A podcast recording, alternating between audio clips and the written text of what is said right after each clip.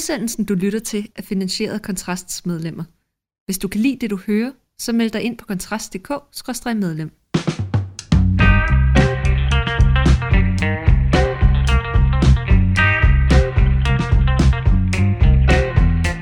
så er vi i gang med ugens første fyraften med undertegnet Mikkel Andersson, og som altid Rasmus Ulstrup ved den anden mikrofon. Og øh, jeg vil lige som en lille regibemærkning starte med at sige, at man muligvis kan høre sådan nogle, øh, i særlig min mikrofon, hyppigt forekommende bankelyde i baggrunden. Der vil jeg gerne understrege, at det er en håndværker, som er i gang med at fikse nogle reparationer på vores hus. Vi optager, som enkelte måske har bemærket, disse, nogle af disse udsendelser remote. Det er altså ikke, og jeg gentager, det er altså ikke David Træs, som jeg har indfanget og spæret ind i et. Og med den regibemærkning afklaret, så øh, vil jeg øh, introducere dagens emne. Vi skal snakke lidt om arbejdstid, Rasmus, og... Øh, vi kan jo se, at øh, både Berlinske chefredaktør Tom Jensen, han har blandet sig i, øh, i debatten om, øh, det er jo afledt af regeringen, og særligt Mette Frederiksens udtrykte ønske om, at danskerne ligesom skal arbejde lidt mere for, for velfærdsstatens skyld, og der har han skrevet en leder, der hedder Socialdemokratiet piller ved selve mening med livet. Det er jo en, øh, en hård anklage, måske berettiget, og så har den gode Christian Egander Skov, en, øh, en ven af huset her på Kontrast, kunne man måske sige, øh, borgerlig debattør og også forfatter til bogen Borgerlig Krise, som har modtaget nærmest alle priser, som man kan få i hele Danmark. Han har også blandet sig i debatten. Det kan være, at vi skal starte med det, Rasmus. Øh, hvad er det, som, øh, som den gode her Igander, han har skrevet? Øh, jamen, han er blevet interviewet til en artikel om, øh, om Berlingske, fordi Berlingske har kigget på nogle tal fra øh, OECD og nogle statistikker. Øh, men vi kan jo starte helt fra toppen. Socialdemokratiet, øh, eller Mette Frederiksen mere øh, specifikt, var ude og sige, at den der tendens, vi ser med, at danskerne gerne vil arbejde mindre, øh, folk vil gerne arbejde deltid og, og have en bedre, hvad kan vi kalde det, work-life balance, særligt børnefamilier, at der var hun ligesom ude at sige, glem det venner. Fordi at øh, det handler om velfærdsstatens fremtid. Vi kan ikke have den velfærdsstat, vi har, hvis folk hopper med på den bølge, der hedder arbejde mindre, end vi gør. Og, og der er fortællingen herhjemme, at det er, at vi arbejder mindre end i sammenlignelige lande altså andre vestlige lande. Øhm, og det er sådan set også rigtigt, hvis man kigger på, hvor mange timer om ugen folk i arbejde arbejder kontra i mange andre lande. Der ligger vi faktisk nærmest i bunden. Det var noget med den gennemsnitlige familie, øh, der, arbejder forældre, øh, der arbejder forældrene hver især sådan noget 30 timer om ugen, eller sådan noget deromkring øh, i snit. Jeg kan lige prøve at se, om jeg kan finde tallene mere øh, præcist. Øh, men det, som Berlingske så skriver her, øh, det er, at den analyse, som Mette Frederiksen og Socialdemokratiet ligger til grund, altså at vi ikke arbejder tilstrækkeligt, er baseret på øh, den fejl, nemlig at den glemmer, at i Danmark arbejder både mor og far meget. Altså der er mange andre lande, for eksempel bliver der nævnt i artiklen, at øh, i Holland, øh, der arbejder øh, 52% af kvinderne på deltid, hvor det i Danmark kun er 22%, der gør det. Øhm, og det skyldes nogle familiestrukturer i andre lande. For eksempel i USA er det hver tredje mor, der slet ikke arbejder. Øhm, og det skyldes jo nogle familiestrukturer om, at der er man primært i andre lande øh, har en, der tjener meget og arbejder meget, og en, der tager sig af familien. Altså den klassiske øh, kønsrollefordeling, hvor moren er mere hjemme, og manden arbejder meget. I Danmark har vi tværtimod øh, den, der har vi så den omvendte, hvor både mor og far er på arbejdsmarkedet. Og det bliver måske lidt teknisk at forstå, men hvis man opgør, øh, hvor meget arbejder dem, der er i arbejde, så er det rigtigt, at danskere arbejder mindre end andre. Men hvis vi ser på, hvor mange der så er i arbejde i en familie, så er Danmark i toppen ved, at både mor og far er i arbejde, selvom de har små børn. Så det, som Berlingske ligesom korrigerer her, hvis man kan sige det sådan i deres artikel, det er, at Mette Frederiksens fortælling er en løgn, eller det er i hvert fald meget, meget øh, fint plukket ud for at få øh, hendes fortælling til at hænge sammen, at øh, danskerne skal arbejde mere, fordi vi ikke arbejder nok, fordi vi har så stor en andel øh, på arbejdsmarkedet, fordi både mor og far arbejder. og det, der jo er det nye i den her diskussion her, synes jeg, eller det, som jeg synes er skræmmende, eller hvad vi skal sige, det er, at Socialdemokratiet ligesom går ind og siger, at det, vi arbejder først og fremmest, eller bør arbejde først og fremmest, for at sikre velfærdsstaten, som vi kender den. Og jeg har altid i mit hoved haft sådan to parametre for, hvornår man lever i en totalitær stat. Den ene er, at man kan tvinges til at arbejde. Den anden er, at man ikke kan få lov at rejse ud af sit land. Så har, altså begge dele, så har vi Nordkorea. Ikke? Tvangsarbejde, og du må ikke forlade landet. Og det, der ligesom har gjort, at man har et liberalt demokrati, for mig at se, eller et frit samfund, det er, at så længe du ikke modtager ydelse fra det offentlige, eller lever af det offentlige, så er der ikke nogen, der skal blande sig i, hvordan du forvalter dit liv rent arbejdsmæssigt. Og her går Socialdemokratiet ind og piller ved den i deres idé om, hvordan danskerne de skal arbejde. Fordi nu handler det ikke om, at du skal arbejde, hvis du modtager dagpenge eller kontanthjælp, eller du skal stå til rådighed for arbejdsmarkedet, hvis du lever af det offentlige. Nu handler det om, at du skal arbejde, fordi at vi har en type af stat, vi gerne vil øh, vedligeholde, som den er, nemlig vores velfærdsstat.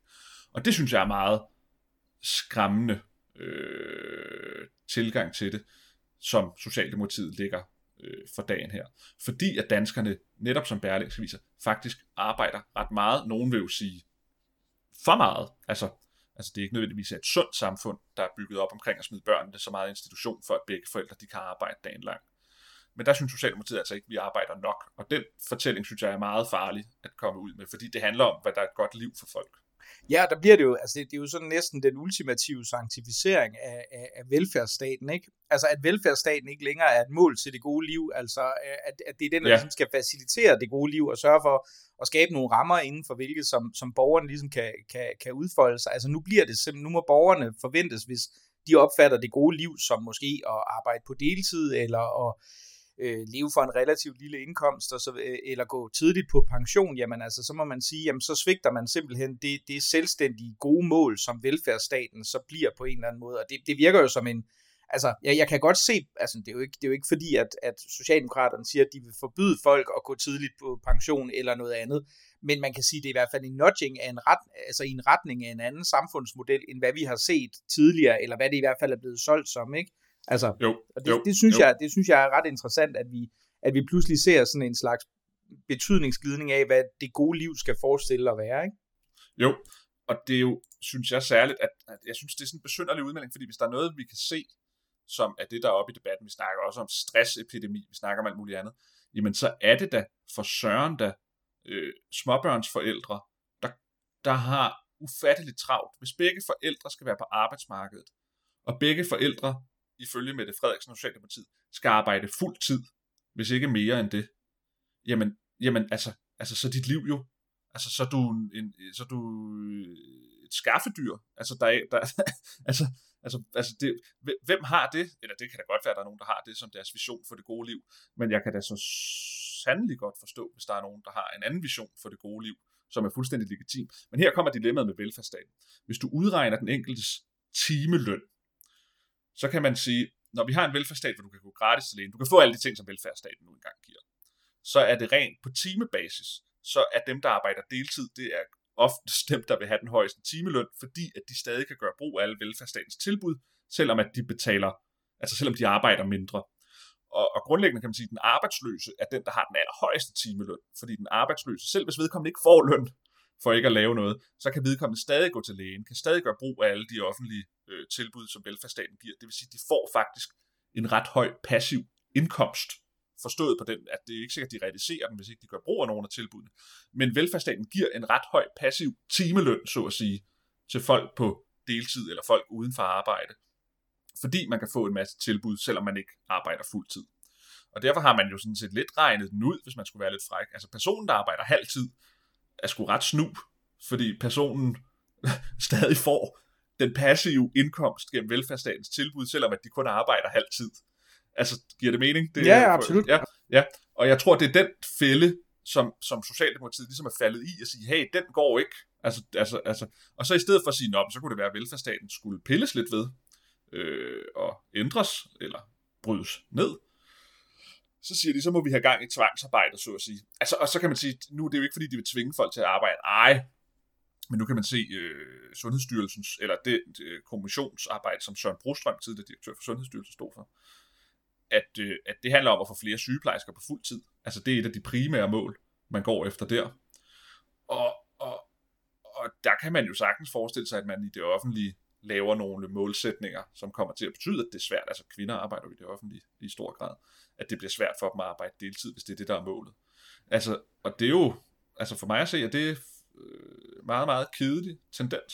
Men, men det er jo også en, man kan sige, det er jo en logisk struktur, der flyder ud af den måde, du har lavet en universel velfærdsstat på. Ikke fordi Socialdemokraterne vil så sidde og sige, jamen prøv at vi har faktisk bekostet en utrolig dyr uddannelse, der er finansieret via fællesskabet til dig, øh, kære sygeplejerske, som, øh, som, øh, som vi ligesom forventer at få et rimeligt afkast på i løbet af et arbejdsforløb, ikke?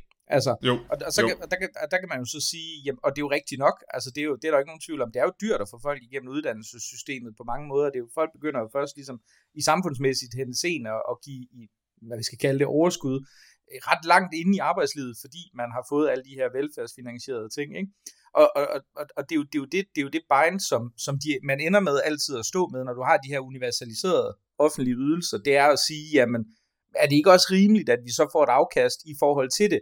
Og man kan jo ikke som, man, altså det er jo svært at stå som sådan borgerlig på en eller anden måde og sige, jamen det er jo ikke rimeligt, fordi vi skal jo ikke have afkast fra de investeringer, for folk må jo indrette deres liv selv, og det, og det er jo det, der gør det så strukturelt underligt med de her diskussioner på en eller anden måde, ikke? Fordi, altså, hvis vi levede i et kontrafaktisk mere økonomisk liberalt samfund, hvor folk i højere grad selv finansierede deres egen uddannelse, jamen så kunne man jo sige, jamen prøv at det vedkommer jo egentlig ikke dig, hvad jeg gør med min uddannelse, fordi jeg har jo selv finansieret det, men det er jo de facto ikke muligt i Danmark. Altså her kan du jo ikke undgå Ja. at deltage i det, i det store skattefordelings, øh, om, om, eller omfordelings øh, øh, projekt. Altså der vil du jo altid på en eller anden måde have fået de her penge fra fællesskabet, som jo så Ja. i praksis bare er ens medborgere, men, men ikke desto mindre, ikke? Men borgerlige mennesker er selv med til at udvikle den her logik her. Ja, jeg er fordi- helt enig. Ja. Fordi det, der sker, det er, at vi så selv siger, hey, nu har jeg betalt så meget skat, så nu mine forventninger til, hvad jeg skal have ud af det, bliver så også højere. Og danskerne er bare, eller også er mennesket bare, måske det er bare en mennesketing, pisse forkælet og pisse forventet. Vi vil have, og vi vil have, og vi vil have, og vi vil have. Og vi vil have bedre normeringer, og vi vil have bedre øh, vilkår, når vi bliver gamle, og vi vil have bedre ydelser, når vi går til lægen, og vi vil have bedre behandlinger, når vi går på sygehus. Vi vil hele tiden have, og have, og have, og have. Og det er fordi vores velstand stiger, og i takt med at velstanden stiger, så forventer vi også bedre velfærd. Altså mm. de to ting er sammenhængende. Og så må man bare sige, jamen så er du altså også bare selv udenom, at det offentlige står og siger, okay, hvis du har så mange krav til os, så skal du også bare knokle. Mm. Ikke? Men- det vil folk jo ikke, vel? Fordi så siger de, øh, det ved jeg ikke, men jeg vil stadig gerne have i hoved og røv. Ikke? Og det er fordi folk, folk det, på mine gamle dage er simpelthen kommet frem til, at mennesker er nogle egoistiske røvhuller, der bare vil have i hoved og røv dagen lang. Og de gider ikke at lave noget for det. Og hele vores velfærdssamfund og så demokrati er bygget op omkring at varetage sine egne interesser. Så man stiller sig ned, og så man, der, der, der er ingen universalitet. Altså der er ingen forsøg på at lave sådan en kategorisk, altså at det skal leve op til Kants kategorisk imperativ om at handle universelt eller tænke universelt. Det handler bare om, kan jeg få, kan jeg få, kan jeg få, så vil jeg have, så vil jeg have, så vil jeg have.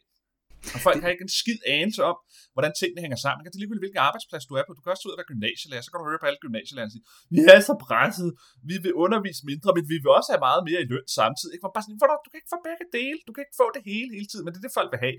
Og så er den logiske konklusion, der med, at Frederiksen går ud og siger, okay, fint nok, så er det bare slut med at arbejde deltid og tid til at se familien. Og så siger folk, øh, øh, det vil vi heller ikke. Nej, men så lad være med at stå tud over, at du ikke får den velfærd, du ønsker, så gå ind for at nedlægge velfærdsstaten i stedet for.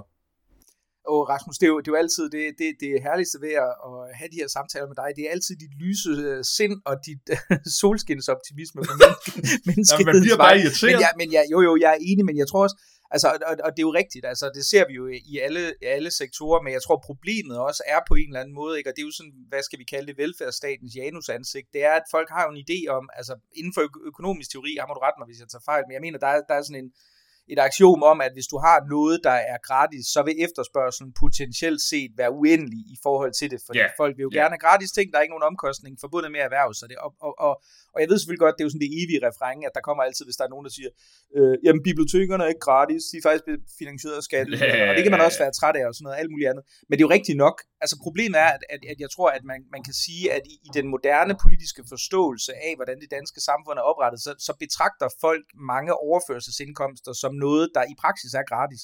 Og der vil efterspørgselen yeah. efter noget bedre jo, igen, altså den er, den er jo yeah. potentielt set uendelig. Men det er jo Fordi folk hvem vil ikke fatter, gerne have, at, at, sammen. ja, hvad siger du?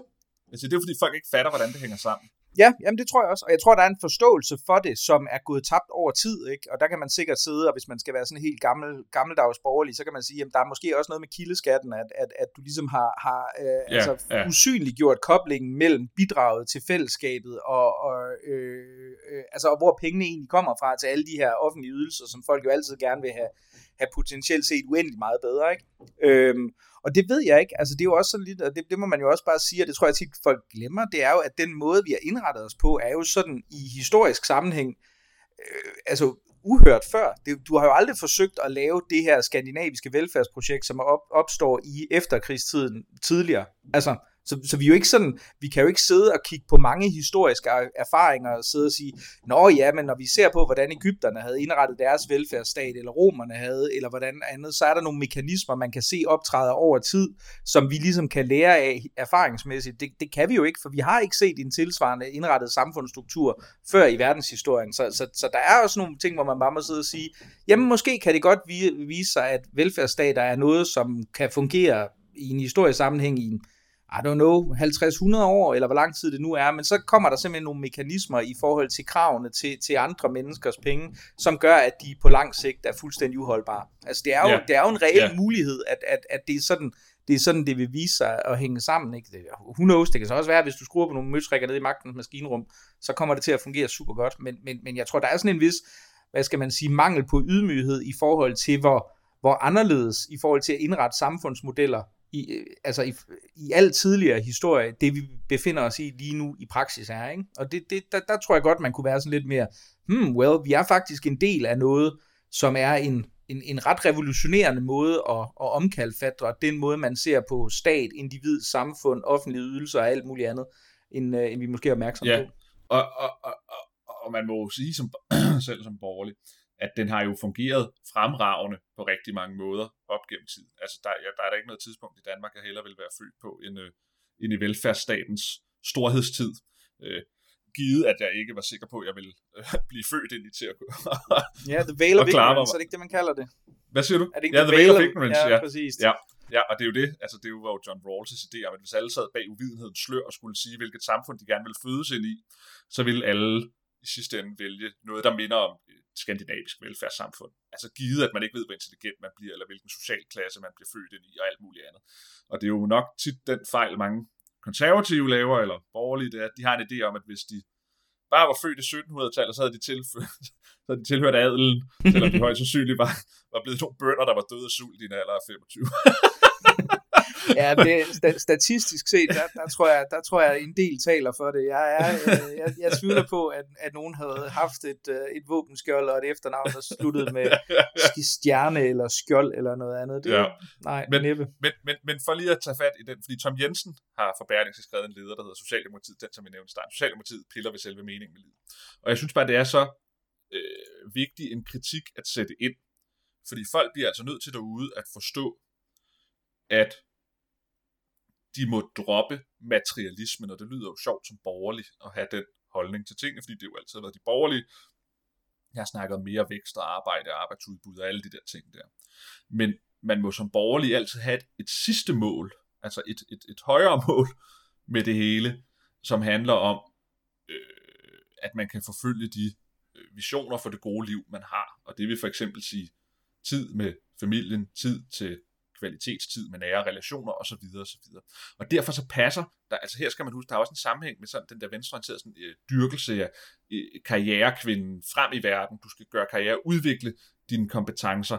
Du skal komme så langt, som dit talent rækker. Til alle de her sådan empowering shit, som vi ligesom er blevet tydet, øh, tydet ørerne fulde af. At der er jo også en, en, en fin hvad kan man sige, overenskomst med den sådan lommefilosofi eller ideologi, der ligesom kører, og så velfærdsstatsideologien, øh, øh, som hænger sammen. Og det er jo derfor, at Frederiksen bliver bekymret nu, det er fordi hun kan se, der er kommet den her vending, hvor flere og flere medier skriver om de her folk, der siger, jeg solgte mit hus og flyttede til udkants Danmark, fordi så kunne vi leve der på deltid mm. og, og, og, priv, og prioritere at gå tur i skoven. Altså, og, og det, det, det, er jo den, de siger, hov, nej, det er sgu ikke det, du skal stræbe efter. Du skal stræbe efter at komme så langt på arbejdsmarkedet som overhovedet muligt, fordi det sgu en meget god sammenhæng med, med, vores, med vores velfærdsstat. Og så er der en anden ting, som elefanten i rummet, som ikke er blevet sagt i den her diskussion her, det er, at der er den uretfærdighed i verden, på arbejdsmarkedet, særligt i, som bliver mere og mere tydelig øh, altså i, i, i, i, det, i den tid, vi lever i, det er, at tabet af produktivitet eller produktion, produktion er et bedre ord, ved at gå ned i tid er forskellig fra branche til branche. Hvis sygeplejersker alle sammen halverede deres arbejdstid, så ville det have meget konkrete konsekvenser i forhold til, at så skulle der ansættes dobbelt så mange sygeplejersker for at lave det, fordi de reelt producerer noget ret konkret. De går ind og lægger drop, de går ind og giver medicin, de laver alt muligt. Eller fabriksarbejderen, der står ved samlebåndet, nu er det jo ikke, fordi vi har så mange af dem, men det er et meget godt eksempel på det, at deres arbejdstid har et direkte output. Altså, hvis de arbejder tre timer mindre om ugen, så bliver der produceret tre timers mindre sko mm. på den uge. Og så er der de brancher, som er de brancher, vi befinder os i, i det her kreative halløj her, hvor det slet ikke handler om timetal, men derimod analytisk evne, øh, skriveevne, hvad ved jeg, øh, at holde sig opdateret på ting, som slet ikke kan gøres op i antallet af timer. Altså det, det, du har ingen anelse om, hvorvidt en gavet journalist bruger, øh, om, han, om, om han producerer mindre eller mere på 15 timer, end en nyuddannet journalist gør på 30. Fordi måske er den her gavede journalist, der har været i faget i, i 30 år, måske kan han skrive nogle artikler, nogle analyser, der bare sidder lige i skabet og skaber enormt meget værdi, men det tager ham faktisk kun 15 timer om ugen at gøre det. Og så kan du have en journalist, der, der er nyuddannet, der arbejder 40 timer om ugen, og deres artikler og kommentarer skaber ikke til nærmelsesvis lige så meget værdi. Det vil sige, selve det der med at operere med timetal i mange af de her brancher, som jo bliver større og større, er enormt svært at gå ind og arbejde med. Og jeg kunne have den idé, at Mette Frederiksen er nervøs for, at det her med at arbejde mindre, at det er, så at sige, arbejderklassen, eller velfærdsklassen, altså sygeplejersker, lærere, pædagoger osv., der gerne vil arbejde mindre. Og det har en ret hård konsekvens. Det har derimod ikke et særlig hård konsekvens. Altså, altså, det giver ikke nogen mening at se på, hvor mange timer om ugen en person, der arbejder i en hvad skal vi kalde, immateriel branche bruger, fordi det handler dybest set bare om det produkt, de leverer til sidst, om det er godt eller dårligt. Mm. Hvis de har brugt 100 timer på det, eller om de har brugt 20 timer på det, mm, doesn't matter. Men det betyder noget, om en sygeplejerske bruger 100 timer eller 20 timer på sit arbejde. Ja, præcis. ja, og jeg tænker også, altså, man kan sige, altså journalistik er jo trods alt en af dem, hvor man kan sige, i hvert fald inden for nogen del af det, ikke? altså der kan du trods alt måle outputtet i kraft af, hvor mange artikler kommer ud, men og, og, og der kan man jo så med, med god ret sige, hvor meget tilføjer et nyhedstelegram versus en eller anden dybsindig analyse, eller, eller who knows, men, men jeg tænker, inden for andre brancher, som for eksempel, er du ledelse, er det jo meget, altså, er det jo, er, bliver det jo faktisk virkelig, virkelig svært, fordi der kan du gå ind og sige, at en, der bliver ny øh, leder for en eller anden stor virksomhed, hvis, hvis øh, knusende indsigt i forhold til at udvikle et nyt produkt, eller rykke ind på et andet marked, eller at droppe et eller andet andet, som grundlæggende set hvad kan man sige, er en beslutning, der måske i sig selv tager omkring 5 minutter både at formulere og kommunikere, men kan føre til et betydeligt, øh, hvad kan man sige, overskud på bundlinjen i sidste ende. Altså der, der bliver det jo endnu mere abstrakt mm. at forholde sig yeah. til, yeah. hvad det egentlig er, der producerer den reelle værdi. Ikke? Altså fordi man kan sige, en virksomhedsleder, der går ind og bliver leder af et medicinalfirma og siger, jeg synes, vi skal øh, skifte vores fokus på det her, og så i øvrigt holder ferie resten af året. Det kommer ikke til at ske, men det viser sig, at det at fokusere på produkt X genererer et gigantisk stort overskud, jamen så, ved, så har vedkommende jo i kraft af, de, af den meget, meget begrænsede tid, som vedkommende har brugt, pludselig genereret langt mere værdi, end, end, end, end hvad kan man sige, en, en tilsvarende, vi har gjort på måske over 200 dage eller så videre. Ja, ikke? ja, og det er derfor selve ideen om at gøre velstanden eller velfærdssamfundets fremtid op i antallet af timer, vi arbejder, er en meget besynderlig for mig at se øh, måde at gøre det op på, med mindre, og det er derfor, jeg, jeg mener, at hun er bange for, at det er velfærdsmedarbejderne og, øh, og produktionsdanmark, hun er bange for, at der vil gå ned i tid, fordi det vil kunne mærkes. Altså det vil helt, helt grundlæggende vil det kunne mærkes, hvis vi skal have dobbelt så mange sygeplejersker, fordi sygeplejersker går ned på halvtid, mm. bare et tænkt eksempel. Eller lærere kun vil arbejde. Ja, eller pædagoger. Ikke? Eller pædagoger jeg, vil, jeg vil have en formodning om, at, at der faktisk er noget, når, når hvad det hedder, min, min søns børnehave øh, åbner, ikke? at der, så er der x antal pædagoger. Det, det tror jeg, de fleste forældre vil synes er meget rart. Ikke? Og det, og det er jo, altså grundlæggende set kan man også bare sige, som du selv var inde på at starte med, altså det er jo egentlig, altså det er jo enormt uretfærdigt. Altså ja, et, et ja. eller andet sted, altså det er jo bare sådan et eksistensvilkår, der er, der er træls, at sådan nogle, du ved, øh, øh, skriverkale eller kommunikationsfolk kan sidde og, øh, over deres, øh, deres komfortable kaffe i, en, øh, i en, et hæve sænkebord og så sidde og bruge, øh, hvad, hvad kan man sige, altså egentlig ikke at måske producere særlig meget, men så få en eller anden i bedste fald genial indsigt, og så viser sig at være relativt værdifuld, mens man faktisk som, øh, som pædagog forventer sig at tørre snotnæser af fra klokken, øh, fra klokken 7 til klokken øh, 3, eller hvor lang tid det nu er. Ikke? Altså Andreas Rekvit, den tyske sociolog, jeg tit refererer til, han siger det meget godt. Ikke? Det er winner takes it all. Du har enten, har du, ja, det er meget skarpt sat op, ikke? enten har du et prestigefyldt job, der ikke er særlig hårdt, der giver en høj løn, der giver en masse status, som gør, at du har øh, øh, øh, en lækker kone, og du får øh, alt det, som du vil have. Eller også har du et lavt betalt job, der er pisse hårdt, du skal arbejde sindssygt mange timer, du får ikke nogen prestige, og der er ikke nogen, der vil have dig ude i fritid, fordi du har et job. Altså, det er selvfølgelig meget, meget hårdt sat op, men, men, men det, det, det, det, det, ting følger med hinanden, Øh, øh, og det er selvfølgelig, altså det kan jeg jo sagtens forstå, den uretfærdighed der er, hvilket jo også er en årsag. Nu er det et helt andet emne. For eksempel Trumpismens fremkomst og alt det her. Ikke? Altså mm. du arbejder i, i, i kulminen, og du får ikke en skid ud af det, hverken øh, økonomisk eller socialt, eller anerkendelsesfærdigt, eller seksuelt, eller noget som helst ud af det. Du bliver bare sat ned på alle. Og så er der dem, der sidder bag hæve sænkeskrivebordet og skriver en eller anden klumme i New York Times, og de får bare det hele. Altså, og, og, og, og, og derfor, og, øh, bare for at komme tilbage på sporet, jeg er ret sikker på, at det Mette Frederiksen frygter, for at sige det igen, det er, at arbejderklassen og velfærdsklassen vil arbejde mindre. Og det vil blive dyrt for os alle sammen. Hvor meget vi arbejder her i det øh, hul om hej, vi render og laver her, det kommer ikke til at betyde synderligt meget. Og efter således at have slået fast, at øh, den gode Ulstrup ikke alene mener, at de fleste mennesker er groede i røvhuller, øh, så mener han også, at, øh, at verden er et grundlæggende uretfærdigt sted. så er det dagens øh, takeaway fra, fra Fyraften. Mit navn det er Mikkel Andersen, Rasmus Ulstrup sad ved den anden mikrofon, og igen, det er en håndværker, der står og banker. Det er ikke en fanget David der forsøger at banke sig ud af garderobeskabet. Tak fordi I lyttede med.